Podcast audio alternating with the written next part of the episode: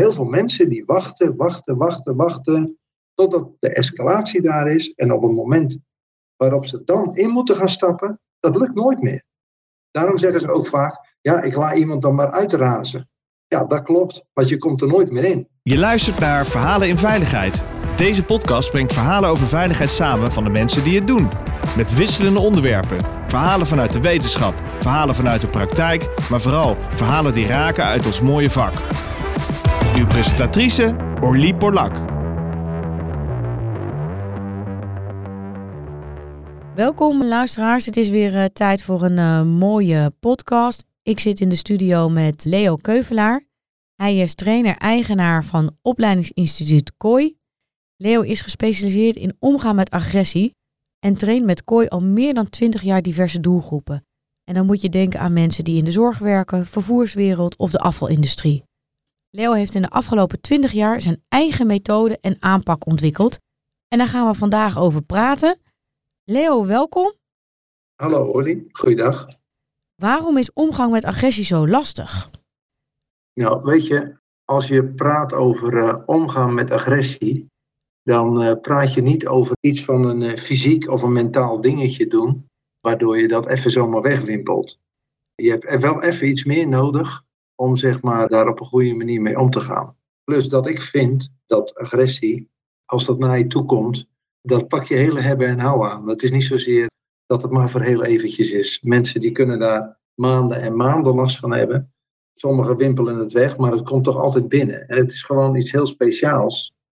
En het is een tool van mensen om ja, hun zin te krijgen. En het hoort niet, het is een overlevingsmethode, maar het hoort niet zozeer in het gewone dagelijkse bestaan thuis.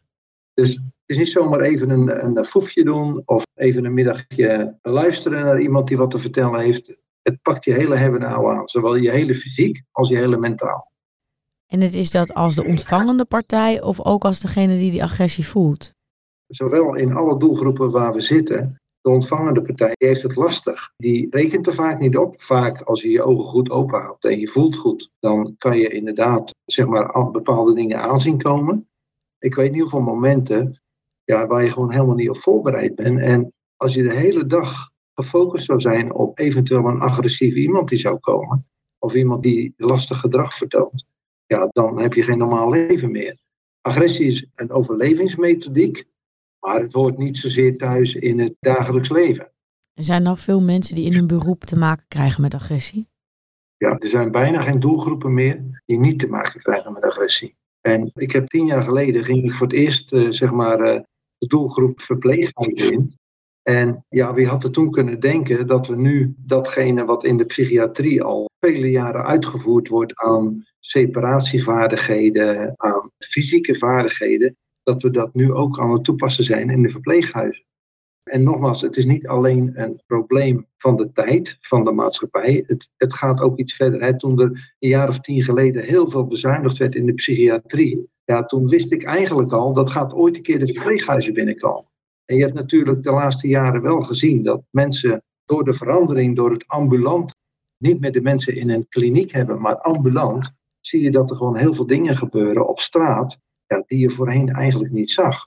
En dat is dus ook in de verpleeghuizen, waardoor ze het in de verpleeghuizen steeds moeilijker gaan krijgen, omdat dat publiek binnenkomt. Eén, waar ze niet voor geleerd hebben. Twee, het is super onverwacht wat er altijd gebeurt. En drie, ze hebben geen tools gekregen om zeg maar, met psychiatrische patiënten om te gaan of met mensen om te gaan die heel vervelend gedrag vertonen. Overigens, in verpleeghuizen kunnen heel vaak die mensen er ook nog ineens wat aan doen. Hè? Maar je hebt wel met agressie te maken die binnenkomt in je lijf, die binnenkomt in je hele hebben en houden. En dan moet je dan toch maar even mee om kunnen gaan. En wat zag je dan bij die uh, psychiatrie gebeuren? Nou ja, wat er gebeurde was dat heel veel, zeg maar 10, 12 jaar geleden is de tendens ingezet dat mensen niet meer in de klinieken, maar veel meer buiten de klinieken behandeld moeten worden als je de nieuwspagina's erop naslaat van de laatste tien jaar, dan zie je dat er gewoon in normale wijken mensen ambulant zijn gaan wonen, maar waar wel heel veel overlast van is. En dan praat je over brandjes en dan heb je het ook over mensen die lastiggevallen worden en veel ernstigere zaken. En nogmaals, een psychiatrisch patiënt kan daar op een bepaalde manier ook niets aan doen, maar de hele opzet, de hele politiek, de hele maatschappij, ja, dat moet dan zogenaamd veranderen. Ja, en je ziet nu dat we eigenlijk alweer feit hebben, dat hoor je dan weer, dat de ouderwetse bejaardenhuizen, dat die weg zijn. En dat we dus heel veel mensen maar thuis laten, maar dat loopt ook niet altijd even goed. Dus wat je zag in de psychiatrie, en zeker als opleidingsinstituut, uiteraard hebben we dat programma aangepast, maar je ziet gewoon dat we nu in andere doelgroepen, waar we anders nog nooit geweest waren, dat we best met hele zware problematieken te maken hebben. En zware problematieken is dan dat iemand van 80 jaar zomaar verschrikkelijk uit zijn plaat kan gaan. En allerlei mensen slaat en doet waar je dus fysiek moet gaan ingrijpen. Dat is iets wat uh, tien jaar geleden echt nog niet op die manier aan de orde was. Dus je ziet wel een verschuiving daarin. Maar goed, mensen hebben er wel een probleem mee. En wat je zei van ja, in de psychiatrie zijn mensen de wijk in gaan wonen. Ja. Is het ook de omgeving waardoor die agressie kan ontstaan? Dus ik kan me voorstellen dat je dan bedoelt dat zo'n zorgverlener bij de mensen thuis komt. Is dat Ja. extra risicogevend? Dat is risicogevend. Ja, ook eh, binnen de gewone zorg, de, de thuiszorg van de grote instellingen. Ja, daar geven wij ook trainingen omgaan met agressie. En hoe ga je nou naar binnen en wat doe je? Wat, wat, wat gebeurt er binnen? Hoe voel je bepaalde dingen aan? Je krijgt vaardigheden mee, enzovoort, enzovoort. Om toch je werk goed te kunnen doen. Maar dat het veranderd is, dat is een duidelijke zaak. En leidt dat ook wel eens tot fysiek geweld, die agressie? Ja. Ja, dat is, dat is echt geen zeldzaamheid meer. En fysiek geweld moet je niet zozeer denken dat iedereen gelijk in elkaar geslagen wordt. Zo werkt het niet. Maar ik bedoel, een duw geven en een klap geven, dat is echt geen uitzondering meer. Dat is echt niet meer zeldzaam. Ook vanuit de thuiszorginstanties, die dan inderdaad bij mensen thuiskomen. Dat is best wel heftig. Ja, omdat je vaak alleen wordt gestuurd, denk ik, wegens eh, bezuiniging. Heel veel, heel veel alleen. Ja, ja, ja. En natuurlijk zijn er bepaalde problematieken. Maar ja, je weet ongeveer nu, na twee jaar coronacrisis, weet je ook eh, hoe het in de zorg gesteld is. Hè? Dus het probleem komt eigenlijk dubbel zo hard aan. En wij merken gewoon met name in de thuiszorg en in de zorg dat teams niet meer optimaal bemand worden. En teams worden uit elkaar gerukt in de afgelopen jaren. Maar dat proces van de zorg, zeg maar, een beetje uitwonen, dat proces is al jaren aan de gang. Dus dat is niet alleen van de laatste twee jaar, snap je? Nee, en maakt dat, denk je, ook de patiënt, de ontvangende partij van de zorg, gefrustreerder en bozer? Nou, ik denk zeker. Want als iemand een routetje moet rijden waar hij eerst met een collega deed en die moet dat nu alleen doen, die mensen die zitten thuis te wachten totdat er iemand binnenkomt natuurlijk, om welke reden ook. Dus je merkt al dat er veel meer frustratie is, of dat er eigenlijk voorheen was. Dus dat is zorgelijk. Dat is echt zorgelijk. En zo'n training omgaan met agressie, is dat dan wel de juiste oplossing? Nou ja, weet je, het is een onderdeel. Wat ik super belangrijk vind, en misschien kan ik dan gelijk iets noemen over de training. Wat ik super belangrijk vind, dat is dat wij in een redelijk korte tijd een persoonlijk veiligheidsgevoel kunnen ontwikkelen. Mensen die kooi kennen vanuit de milieuwereld, want daar hebben we het nu ook even over. Maar mensen die kooi kennen, die weten dat we. eh, dat persoonlijk veiligheidsgevoel is, is gewoon super belangrijk. En waarom zeg ik dat? Op het moment waarop iemand gedrag vertoont dat jij niet zo jovel vindt, stel je staat op een afvalbrengstation en er komt iemand en je denkt, oh jee. En je ziet al aan houding, je ziet al aan het ongeduldige gedrag, je ziet al aan, er zijn er allerlei technieken en vaardigheden die je kan toepassen om de mensen van tevoren al wat rustig te krijgen. Maar uiteindelijk staat die meneer wel voor je en is die bij je en staat hij te vloeken, te tieren en te schelden en wellicht ook te bedreigen. Ja, dan vind ik het ongelooflijk belangrijk dat mensen een stapje vooruit gaan doen. En daar bedoel ik eigenlijk mee te zeggen, wij gaan niet via zeg maar, de hersenpan binnen bij mensen om ze vaardigheden te leren, wat ze moeten zeggen en wat ze moeten kunnen. Wat je moet doen, althans dat vind ik, en dat is de methode die we twintig jaar geleden eigenlijk neergezet hebben. Ik vind dat je mensen van binnenuit sterk moet maken. Dat betekent dat je iedereen echt ook fysieke vaardigheden mee gaat geven, waardoor eigenlijk dat knijpgevoel in je buik, dat, dat vervelende gevoel, dat je dat een beetje kan beheersen. En op het moment waarop je dat kan, dan heb je namelijk ook wat mentale ruimte in je hoofd om eventuele vaardigheden die je vanuit de verbale agressietraining van ons geleerd hebt, om die ook toe te kunnen passen. Maar ik heb al zo vaak, en dat meen ik echt uit diep van mijn hart, ik heb al zo vaak gehoord dat de training aan zich, waardoor ze mensen op een stoeltje zetten en vervolgens twee of drie dagdelen allerlei verbale vaardigheden gaan inprenten, die werken gewoon niet op het moment waarop ze echt met agressie te maken krijgen. En dat komt omdat zij zichzelf niet veilig voelen om die vaardigheden toe te passen. Dus mijn methode die werkt anders. Mijn methode die gaat eigenlijk naar binnen via het lijf. En uiteindelijk gaan we naar boven naar het hoofd toe. Dus met andere woorden, je moet je veilig voelen. En als je je veilig voelt, dan kan je er iets mee. En omgedraaid lukt nooit. Als emotie overheerst, wat je dan ook gaat krijgen, is dat heel veel medewerkers van bedrijven, die gaan overcompenseren. En wat er dan gebeurt, is dat je ja, zelfs tot fysieke knokpartijen aan toe krijgt, doordat je gaat overcompenseren om, ja, als iemand jou een klootzak vindt, ja, dan komt het gewoon niet over. Dat is niet fijn, als je dat in je werk te horen krijgt. Maar er kan misschien wel een reden zijn waarom diegene dat vindt. Maar als je je gelijk aangesproken, persoonlijk aangesproken voelt door dat woord of door nog, dit is een, een licht woord, dat snap je ook wel, er zijn veel ergere woorden. Maar als je je aangesproken voelt en je gaat dus gelijk in de emotie over, ja, dan ben je los. Dan ga je dus in, in de vechtmodus, en vechten bedoel ik niet mee uh, knokken, maar je gaat wel in de vechtmodus om de ander eens te vertellen wat voor een, nou, en noem maar op.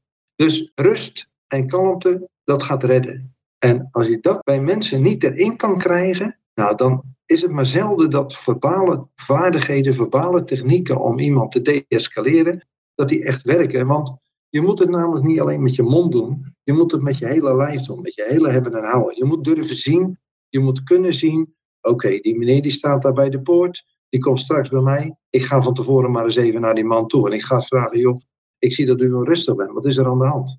Maar je kan niet wachten totdat hij er is en dat hij nog een half uur lang in die file heeft gestaan en nog onrustiger is geworden en vervolgens dan explodeert.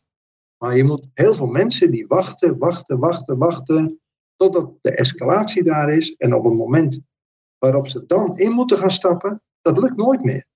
Daarom zeggen ze ook vaak, ja, ik laat iemand dan maar uitrazen. Ja, dat klopt, want je komt er nooit meer in. Maar op het moment waarop je dat veel meer van tevoren aan gaat pakken, veel meer in de zin van, ik ga preventief, ga ik er eens op af en stap ik er eens op af. Dat noem ik dus met een stapje voorwaarts doen. En dat doen wij in de training heel veel. Vooruitstappen, vooruitstappen, vooruitstappen. Met vaardigheden. Ja, waardoor je eigenlijk jezelf al beschermt tegen iets wat misschien een half uur later gaat gebeuren. Maar mensen moeten tools krijgen. Want mijn docenten vragen aan mensen in de training: wat is er nou eigenlijk wat je het meest vervelend vindt en waar je bang voor bent?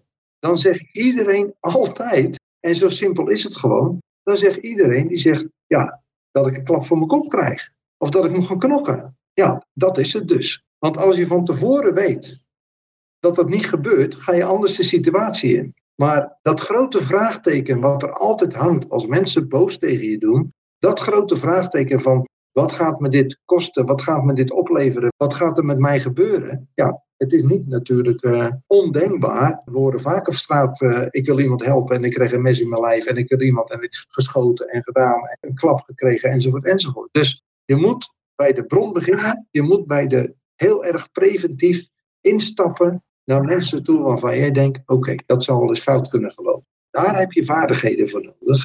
Daar heb je een veilig gevoel voor nodig. Als je dat niet hebt, dan ga je er niet op af. Dan wacht je en dan escaleert de boel heel vaak. Dus dat is de methodiek die we volgen.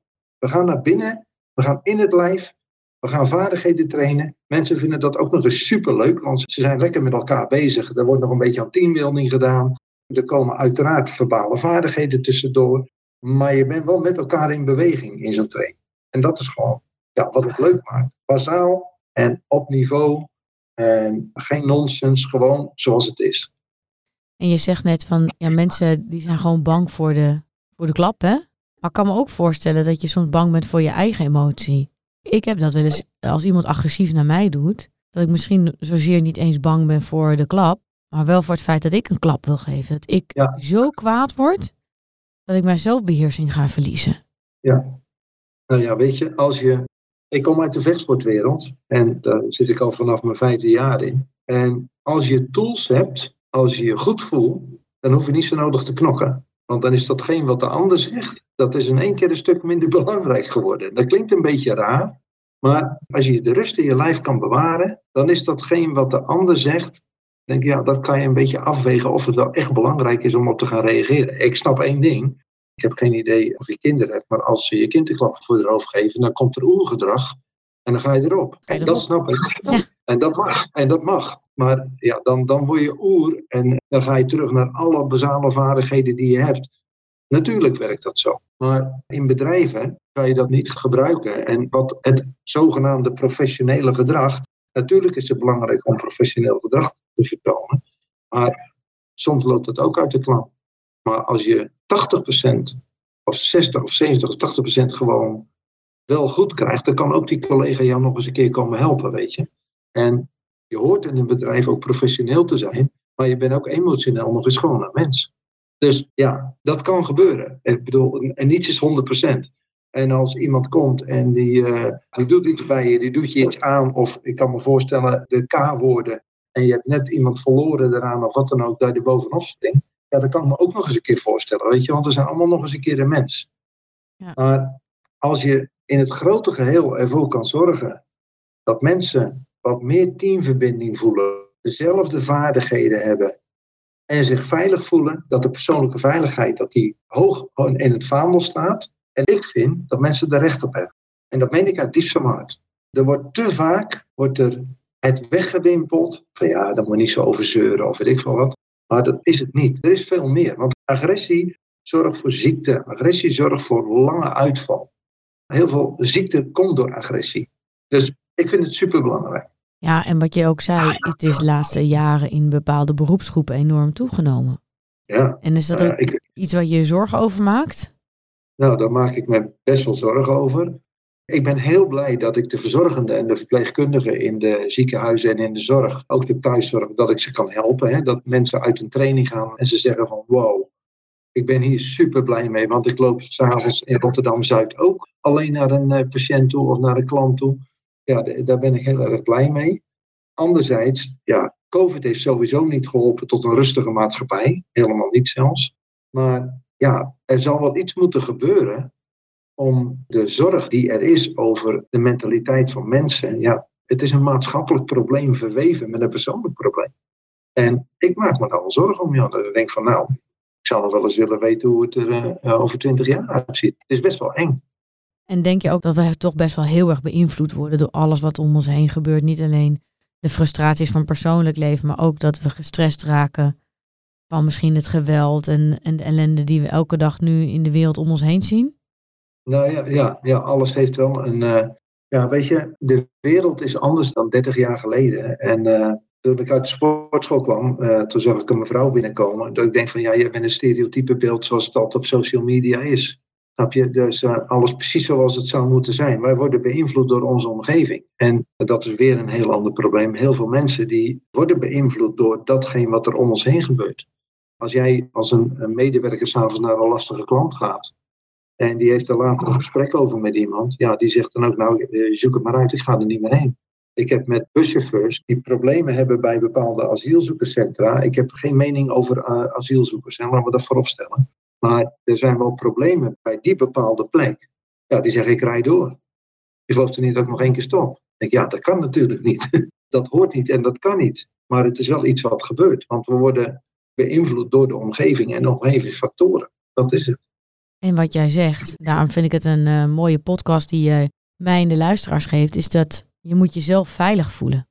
Ja. Gewoon ook veilig voelen over je eigen emoties. Het gevoel hebben dat je controle kan houden. Het gevoel ook dat het niet per se hoeft te escaleren. En dat er nog steeds een positieve uitkomst kan zijn.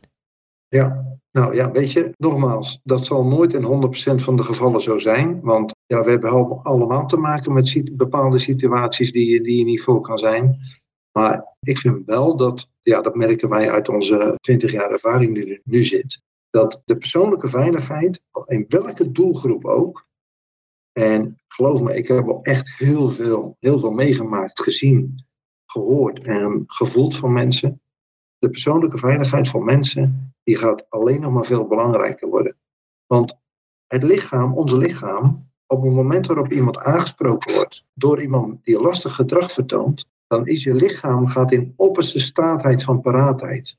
Je zit dus in stress. Ik heb mensen meegemaakt die de arm niet meer normaal recht kunnen buigen, omdat dat gewoon alle ines, zoals dat heet, die vliegen door je lichaam heen. Dat is nog maar, dat is één seconde, één, twee seconden. Ik ken mensen die op bepaalde posities zitten in de psychiatrie, die hebben geen eens meer erg in hoe gestrest ze zijn. Die hebben geen idee wat rust is, wat rust in je lichaam is. Dat is toch verschrikkelijk. Maar die mensen zijn ook veel eerder uitgebonjourd in het leven, want die gaan dat gewoon niet redden. Dus met andere woorden, ja, wij moeten een kalme en een rustige situatie creëren. En ik ben een beetje een strijder daarin. Ja, ik denk dat als we dat met z'n allen aanpakken, dat we ook degene die lastig gedrag vertoont, als die weet, ja, weet je, als ik naar dat afvalbrengstation ga, ja, dan word ik ook al ontvangen. Ze zijn er voor mij. En ze moeten ook het gevoel hebben, ik bedoel, de Karwei en de Gamma, de bouwmarkten. Ik heb er een prachtig voorbeeld van. Daar, in een, eh, van een van mijn klanten, daar werd in, de Karwei werd verschrikkelijk veel gestolen. En toen hebben wij daar een uh, antidiefstaltraining gegeven. En toen heb ik mensen geleerd om van iemand waarvan ze verwachten dat hij gaat stelen, dat ze contact maken. Dan moet je eerst je persoonlijk veilig voelen, want je weet dat die desbetreffende persoon gaat stelen. Kan man, vrouw zijn, maakt niet uit, maar die gaat stelen. Dat zie je aan het gedrag. Dan moet je daarop afstappen en dan zeg je, kan ik u ergens mee helpen? Nou, binnen een aantal weken, en het is zelfs ook nog zo geweest dat bepaalde mensen, als iemand uit die winkel rende, dat ze er nog wel eens heel lang achteraan gingen. Ik zei, dat moet je dus echt even niet doen, want dat, dat, maakt het weer te veel. Maar ze hebben in die periode dat de diefstallen heel hoog waren, hebben ze in de maanden daarna, hebben ze dat gewoon echt afzien nemen. Nou, hoe geweldig is dat? Alleen maar door contact te maken. Want wat er dan gebeurt als iemand al wat gestolen heeft en je weet het niet zeker, want je hebt ook met de wet te maken en de regels enzovoort enzovoort. Als je weet hij heeft iets in zijn zak en je gaat contact maken en je zegt, joh, kan ik u ergens mee helpen? Want ik was in dat pad hier en ik zie dat u aan het zoeken bent. Ja, wat doet die dief? Die pakt het uit zijn zak, die telt het uit of die gooit het weg. Nou, en dat is waardoor mensen, ja, dat probleem verplaatst zich wel. Dat snap je. Want die gaan naar de andere bouwmarkt toe. Maar je ziet gewoon dat het helpt. Dus met andere woorden, hoe meer betrokken je bent bij de mensen die jij moet ontvangen op je werkplek, of dat dat nou een ziekenhuis is, of dat dat nou een afvalbrengstation is, of dat dat degene die uh, het vuilnis op aan het halen is, hoe meer betrokken je bent, hoe preventiever je kan acteren. Maar dan moet je eerst veilig voelen. En daar blijf ik gewoon bij hangen. Helemaal mooi. Dan wil ik jou bedanken voor deze podcast. Ja, geen dank. Graag gedaan. Vond het erg leuk om te doen.